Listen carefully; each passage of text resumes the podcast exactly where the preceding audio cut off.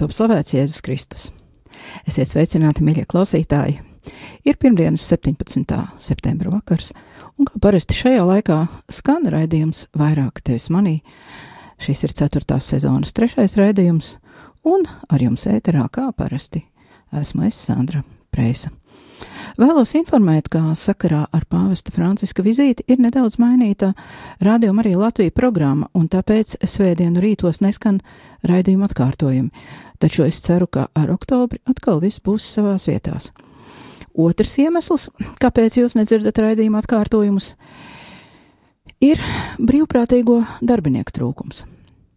Tie, kuri līdz šim apstrādāja failus, dažādu iemeslu dēļ to vairs nevar darīt, un tāpēc mēs, es radio vārdā, aicinām pieteikties jaunus brīvprātīgos, kuri varētu palīdzēt ar audio failu apstrādi un varētu rūpēties arī par raidījumu arhīvu.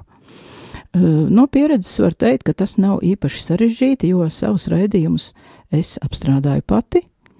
Nu, ja jau es varu, tad droši vien arī jūs varat. Tā kā droši nāciet, zvaniet, brauciet uz studiju, runājiet, piesakieties, pamēģiniet un uz priekšu. Atgādinu raidījumu kontaktus.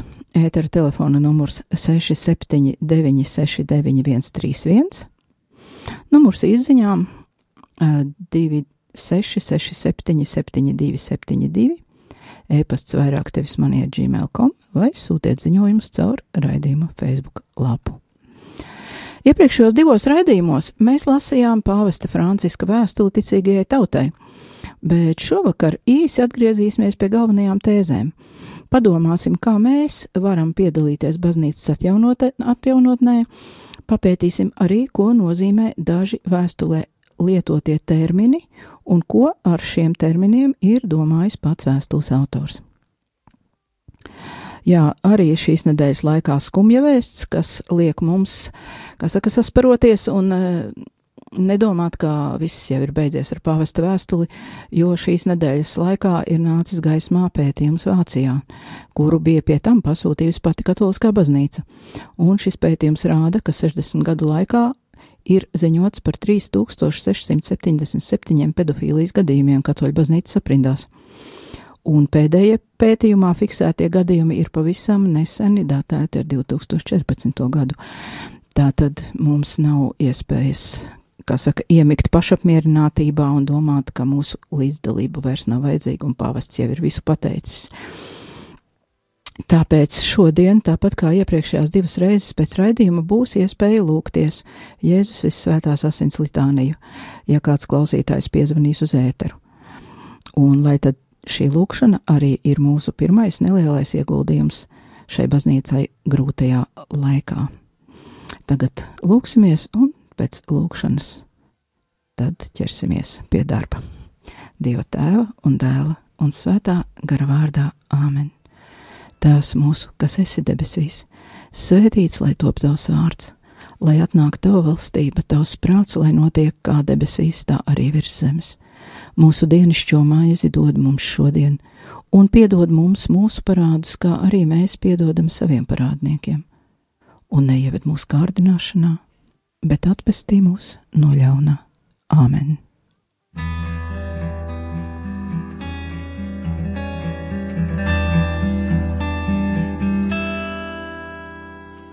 Kungs, apžēlojies pār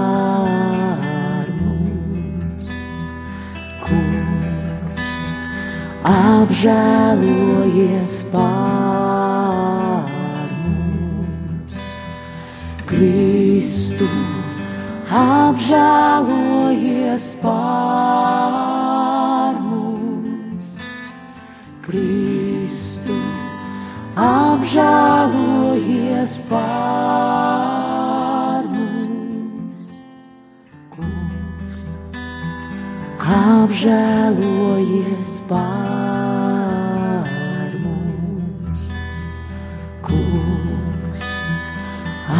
Apžēlojies pār mums. Nu, un tad, kā jau teicu, pie darba. Iesākumā vēl mazliet atgriezīsimies pie pāvesta vēstules. Kādi tad būtu galvenie secinājumi no tā, ko mēs lasījām? Pirmais punkts, varētu tā teikt. Šīs vēstules būtību un arī attieksmi, kādu no mums sagaida pāvests un visa baznīca, izsaka jau vēstules nodaļu nosaukumi. Pirmā nodaļa saucas, ja viens loceklis cieš, otrā, tad visi locekļi cieš līdzi. Tas ir aicinājums mums katram ieskatīties sevī un godīgi atbildēt, vai man sāp ļaunums, kuru dara baznīcas locekļi, vai man sāp to cilvēku sāpes, kuri ir ievainoti tajā, kas cilvēkam ir visdziļākais un intīmākais, viņu cilvēciskās cieņas pašos pamatos un viņu attiecībās ar dzīvo Dievu. Jo izvarot var ne tikai miesu, bet arī dvēseli, vai arī abus. Tieši tā apsūdzētie klēra locekļi ir faktiski iznīcinājuši šos cilvēkus, padarot viņus par staigājošiem miroņiem. Jā, viņi visi vēl ir dzīvi, iespējams, ka viņi pat spēj strādāt un sevi uzturēt, jo dzīvības instinkts cilvēkā ir ļoti stiprs. Bet kas notiek viņu dvēselēs? Un uzdosim sev jautājumu: vai es spēju piedzīvot citu cilvēku sāpes tā kā savējās?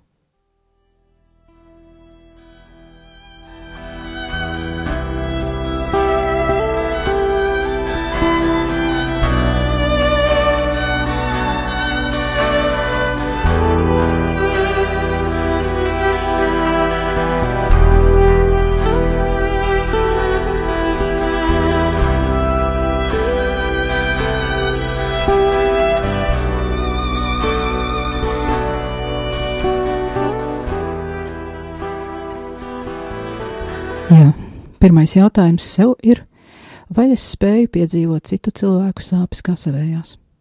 Un nākamais no tā izrietošais, otrais jautājums, vai es spēju piedzīvot Kristus sāpes kā savējās? Kristus kā galva ir pilnībā saistīts ar baznīcu.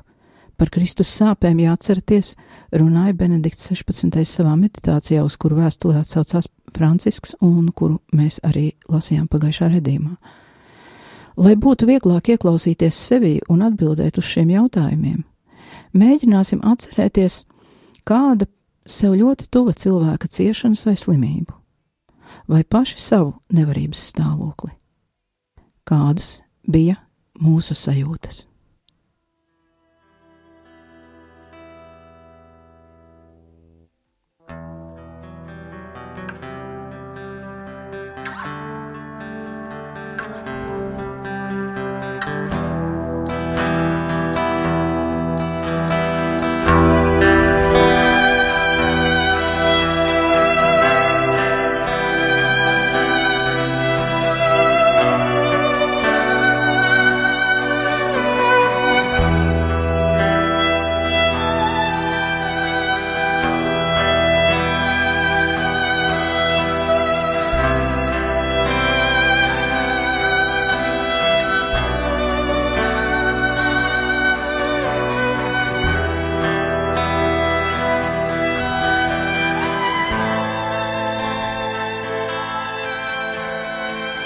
Un tagad pamēģināsim atcerēties, vai jūs esat kādreiz kādam teikuši, vai varbūt jūs esat piedzīvojuši vai ilgojušies piedzīvot, ka kāds jums saka šādi: Kad sāp tev, sāp arī man.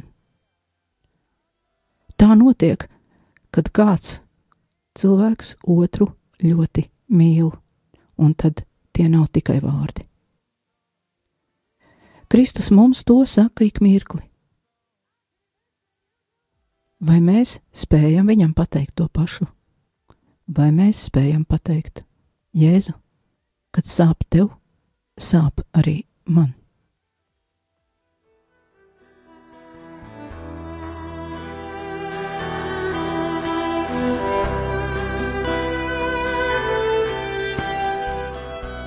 Pāvests saka, šādi noziegumi rada briesmīgas sāpju un bezspēcības brūces. Vispirmām kārtām upuros, bet, protams, arī viņu ģimenes locekļos un plašākā ticīgo kopienā un arī neticīgo vidū. Bet atcerēsimies, ka Jēzus nevienu neizslēdz no savas mīlestības. Viņam sāp nevienu upuru ievainojumi, bet arī to konsekrēto personu un ticīgo laidu vēseles, kuras bija spējīgas dzīvot dubultu dzīvi, melot acīs skatīdamies un darīt savus nešķīstos darbus. Jēzus negrib zaudēt nevienu dvēseli, taču šie cilvēki ir paši sevi izslēguši no dievišķās mīlestības aprites. Tā ir šo cilvēku brīvā griba, un pats Dievs tās priekšā ir bezspēcīgs. Viņš var tikai kliegt no sāpēm. Tā kādreiz savu lūkšanu laikā no sāpēm kliedza svētais Dominiks, kad lūdzās par dvēselēm, kuras ir pašas izvēlējušās sev mūžīgo nāvi. Šobrīd pāvests mūs visus aicina uz kaut ko līdzīgu.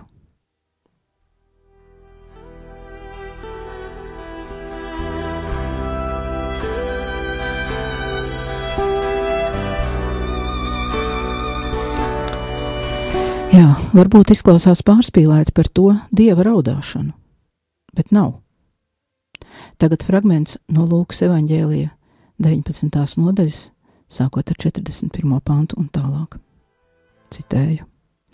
Un pienācis tuvu, viņš pilsētu ieraudzījis, raudāja par viņu un sacīja: Kaut arī tu šodien zinātu, kas tev pie miera vajadzīgs, bet vēl tas ir apslēpts tavām acīm, jo nāks dienas pār tevi, kad tavi ienaidnieki ap tevi cels nocietinājumus, tevi ielenks un no visām pusēm spaidīs Tie tevi nopostīs līdz pamatiem un tavus bērnus, neatstādami no tevis akmeni uz akmens, tāpēc, ka tu neesi atzinusi savu apžēlošanas laiku.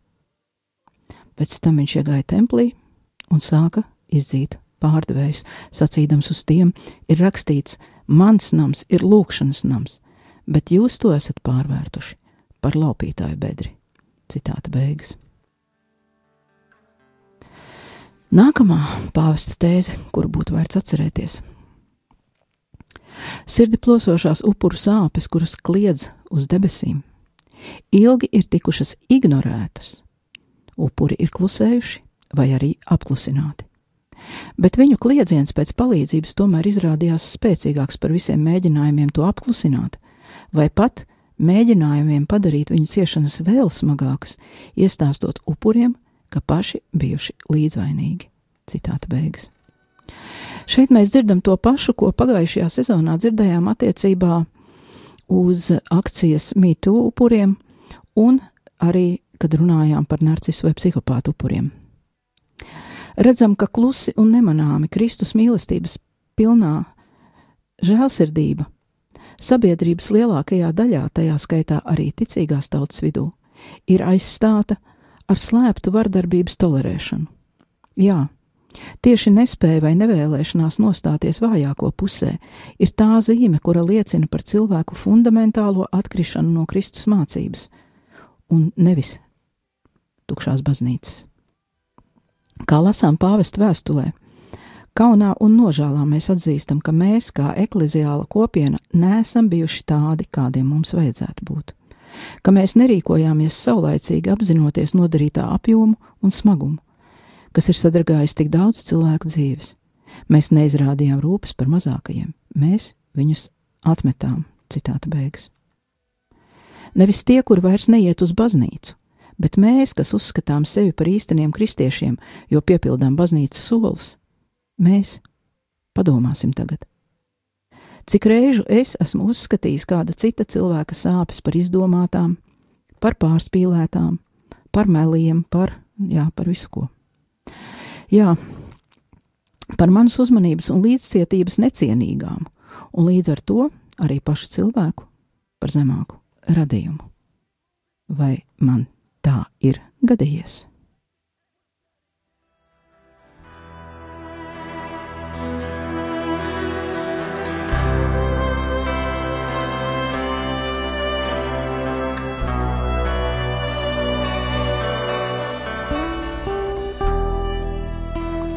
Ja kāds no jums, mīļie klausītāji, ir bijis otrā pusē, pats ir kādreiz bijis šis nesaprastais un neuzklausītais, tad jums noteikti manis runāto ir vieglāk saprast.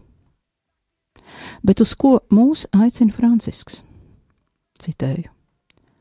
Šodien mēs, kā dieva tauta, esam aicināti ņemt uz sevis savu brāļu un māsu sāpes, kuri ir ievainoti gan miesā, gan garā. Ja pagātnē mūsu atbilde bija neizpratne, nolaidība un bezdarbība, tad šodien mēs vēlamies solidaritāti visdziļākajā un plašākajā nozīmē. Mūsu mērķis ir vide, kurā konfliktu spriedzes un pirmām kārtām dažāda veida vardarbības upuri varētu atrast pastieptu palīdzīgu roku, kur viņus aizsargātu un palīdzētu viņiem pārvarēt savu sāpīgo pieredzi. Citāta beigas. Personīgi es pirmo reizi dzirdu, ka kāda augsta baznīcas amatpersona nosauc vārdā to, kāda patiesībā ir bijusi attieksme pret upuriem visos līmeņos, arī no ticīgo laju puses - neizpratne, nolaidība un bezdarbība. Un neizliksimies, ka tā nav. Protams, vienmēr ir bijuši uzticami un labi gani, Ir daudz patiesi labu un mīlestības pilnu cilvēku draudzēs. Es ļoti daudzus tādus esmu satikusi savā kristietes dzīvē. Taču tieši tikpat bieži esmu sastapusies arī to, ko vārdā nosauc pāvests, un visdažādākajās gradācijās. No vienkāršas neizpratnes un nevēlēšanās neko dzirdēt, līdz pat atklātam naidīgumam. Es ļoti ceru, ka jums, mīļie klausītāji, ir laba pieredze savās draudzēs. Bet tieši tas uzliek par pienākumu radīt šo labo pieredzi tiem, kuri ir cietuši. Ir tādi cilvēki, kuri nekad nav piedzīvojuši īstu mīlestību, kuri nezina, kas ir līdzcietība un nesautīga draudzība, un tas viņiem ir traucējis atvērties arī Kristum. Bet īpašā veidā ir aicināti tie, kuri paši ir kādreiz cietuši, jo tie, kas esat cietuši, jūs zinat, kā jūtas tāds cilvēks. Jūs zinat, un nevis tikai mēģinat saprast. Jūsu pieredze ir milzīga bagātība, lai gan tā ir iegūta sāpēs. Un šī pieredze var brīnišķīgi kalpot šobrīd baznīcai. Tas nenozīmē, ka mums visiem tagad ir jāmetas aktīvi meklēt glābjamos upurus. Nē, Pāvests saka, solidaritāte prasa, lai mēs būtu gatavi nosodīt jebko, kas var apdraudēt jebkuras personas integritāti, Tā ir solidaritāte, kur aicina mūs cīnīties pret jebkāda veida samaitātību, jeb korupciju, un it īpaši pret garīgo samaitātību. Pēdējais ir jāsaprot kā komforta un pašpietiekamības izraisīta akluma forma. Citāta beigas. Tātad pirmkārt, lūksimies un turēsim vaļā mīlestības acis, lai šī akluma forma mūs nepārņem. Un tad mēs arī ieraudzīsim, kādu uzdevumu Dievs mums katram ir sagatavojis. Varbūt tas ir tepat blakus, ģimenē, darba vietā, kaimiņos, radu lokā. Jā, arī jebkādas formas gavēnis uzlabo garīgo redzi un grēku nožēlu, izlīkšanas sakraments. Arī par to runā pāvests. Ir neiespējami iedomāties atgriešanos, kā visas baznīcas kopīgo aktu, ja tajā nebūs iesaistīts personīgi katrs dieva tautas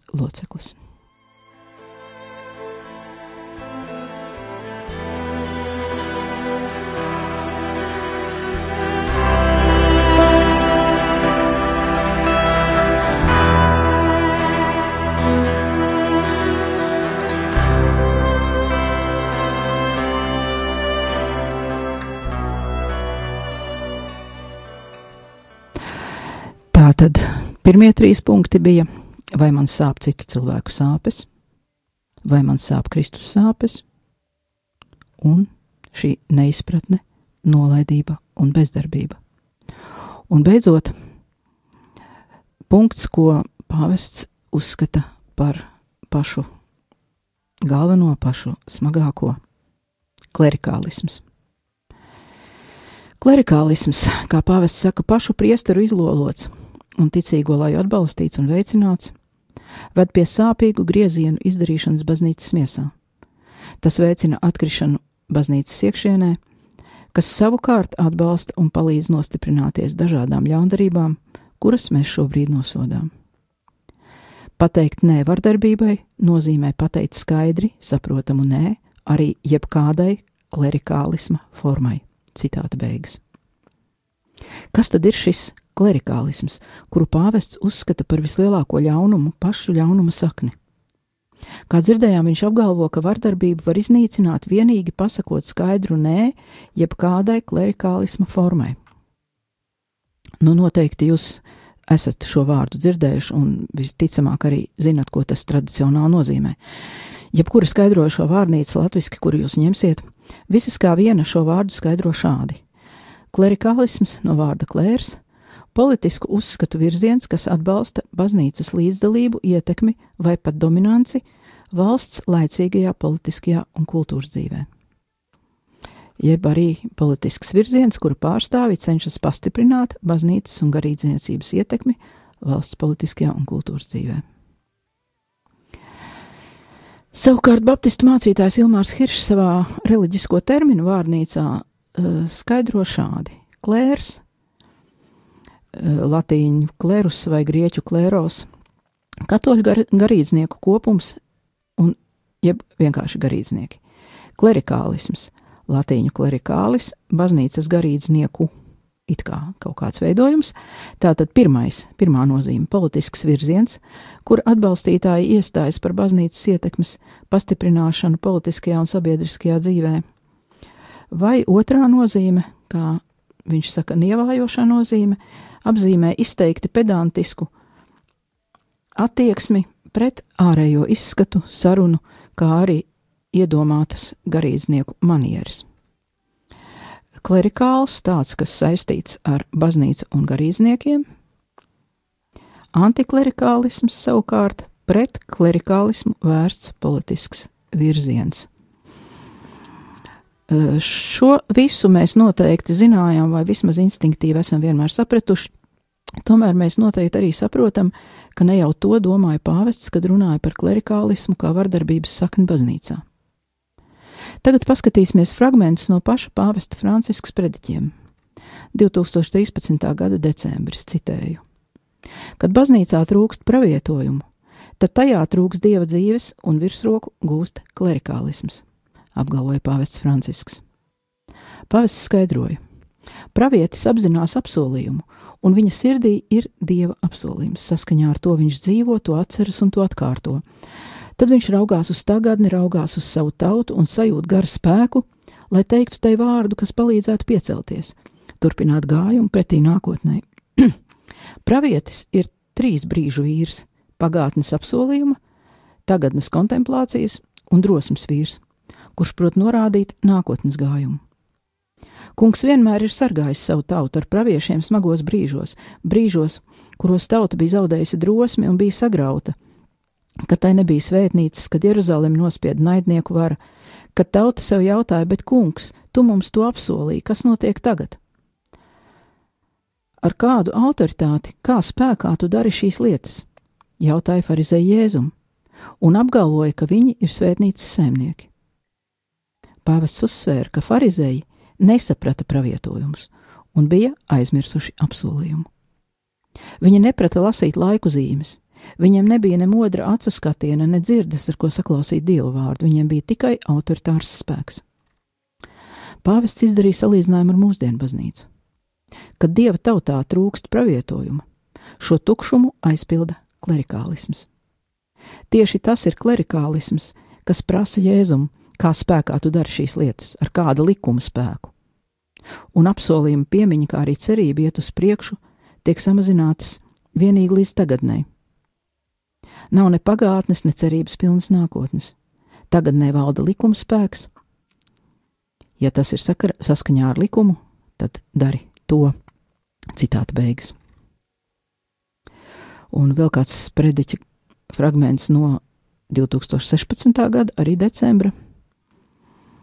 13. decembra rīta svētās misijas homīlijā pāvests pievērsās klerikālismu problēmai. Viņš uzsvēra, ka klerikālisma gars ir ļaunums, kas pastāv baznīcā arī mūsdienās, un cietēji ir ticīgie, kuri jūtas atraidīti un izmantoti. Pāvests atsaucoties uz Jēzus vārdiem, ar kuriem viņš vērsās pie virspriesteriem un tautas vecākajiem, Mateja evaņģēlijas 21. nodaļa, pievērsās tieši šo virspriesteru un tautas vecāko lomai un uzdevumiem. Viņiem bija dota juridiskā, morālā un reliģiskā autoritāte. Viņi pieņēma visus lēmumus. Piemēram, priesteri Anna un Kaifa tiesāja Jēzu un pieņēma lēmumu nogalināt Lāceru. Jūdas devās apspriesties ar viņiem par Jēzus nodošanu, tātad viņa rokās bija milzīga vara pār tautu. Šo varu viņi ieguva un izmantoja, izmantojot savā labā likumus. Viņi grozīja likumus simtām reižu, viņi tos pagrieza pa savam, pasludinot pat 500 baušļus. Viss tika noteikts ar likumu. Tas bija pilnīgi pareizi noformulēts likums, jo šie ļaudis bija gudri un zinoši. Tomēr viņi bija aizmirsuši pirmo pavēlu, ko Dievs deva mūsu tēvam Abrahamam staigā manā klātbūtnē, un esi pilnīgs. Viņi bija aizmirsuši desmit mūzumu dotos baušļus. Tā par viņu upuriem kļuva ne tikai Jēzus, bet arī pazemīgā un nabadzīgā dieva tauta, kas uzticējās kungam. Pat ja šī tauta neizpildīja likumu, tā prata dzīvot ar nožēlu. Virspriesteru dēļ tai nācās izciest, nestai, izciest netaisnības. Tā jutās izmantota un notiesāta, un to darīja šie uzpūtīgie un augstprātīgie virspriesteri, par kuriem runā Jēzus. Svētais tās norādīja, ka viens no viņu upuriem bija jūda. Jūda bija nodevējs. Viņš smagi sagrēkoja, tomēr pēc tam, kā teica evaņģēlijā, viņš nožēlas pārņemts aizgāja pie viņiem, lai atdot atpakaļ monētas. Un ko darīja viņi? Viņa neteica, tu taču biji mūsu biedrs, esi mierīgs, mēs varam tev visu piedot. Nē, viņa teica, tiec galā pats, tā ir tava problēma un viņi to atstāja vienu. Viņi to noraidīja. Garīgie gani nepieņēma nabaga jūdu, kurš nodeva jēzu un to nožēloja. Viņi to nepieņēma, jo bija aizmirsuši, ko nozīmē būt ganam. Viņi bija sausi reliģijas lietās, un viņu rokās bija vara.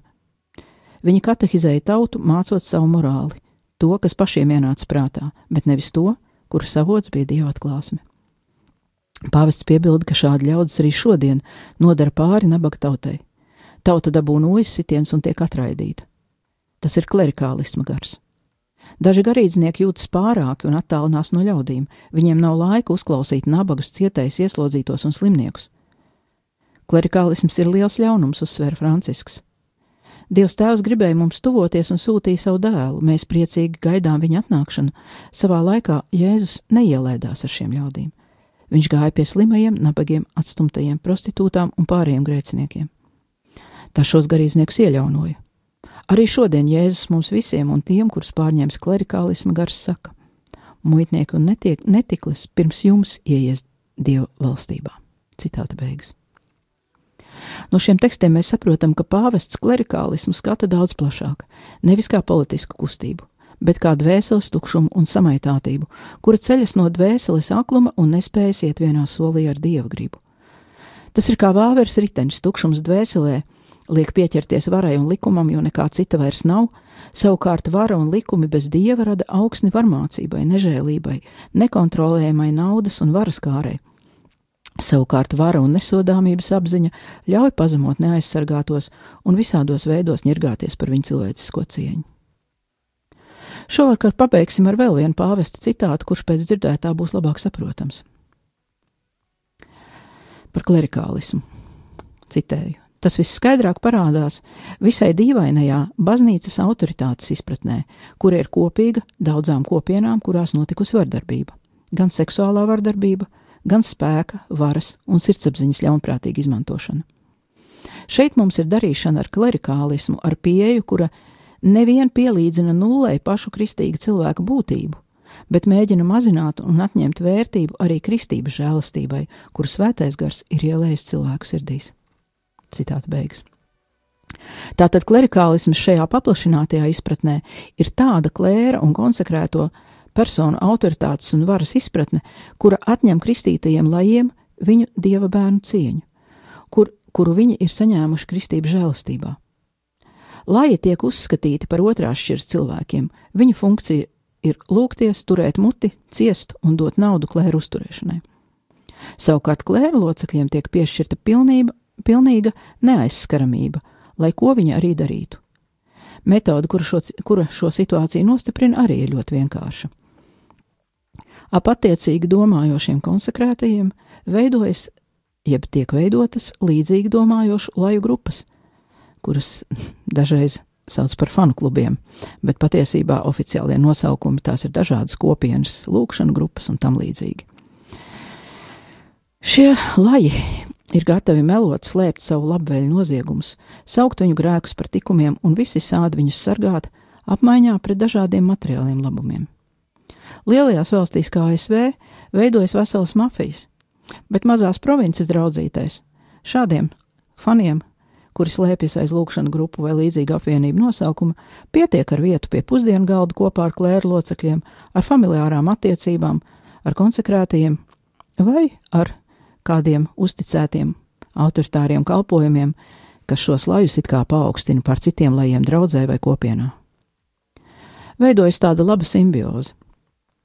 Atpazīt šo nelaimi var pēc uh, grūti slēptas augstprātības šo paaugstināto tā saucamo laju uzvedībā, un pēc tā, ka šādās kopienās netiek uzņemti jauni biedri, tās parasti ir slēgtas. Protams, ka var būt arī citas pazīmes. Vai atcerieties narcisus, par ko mēs runājām pagājušajā gadā, un kad mēs runājām par narcisiem un viņu barotnēm, mēs varam pamanīt zināmu līdzību, vai ne?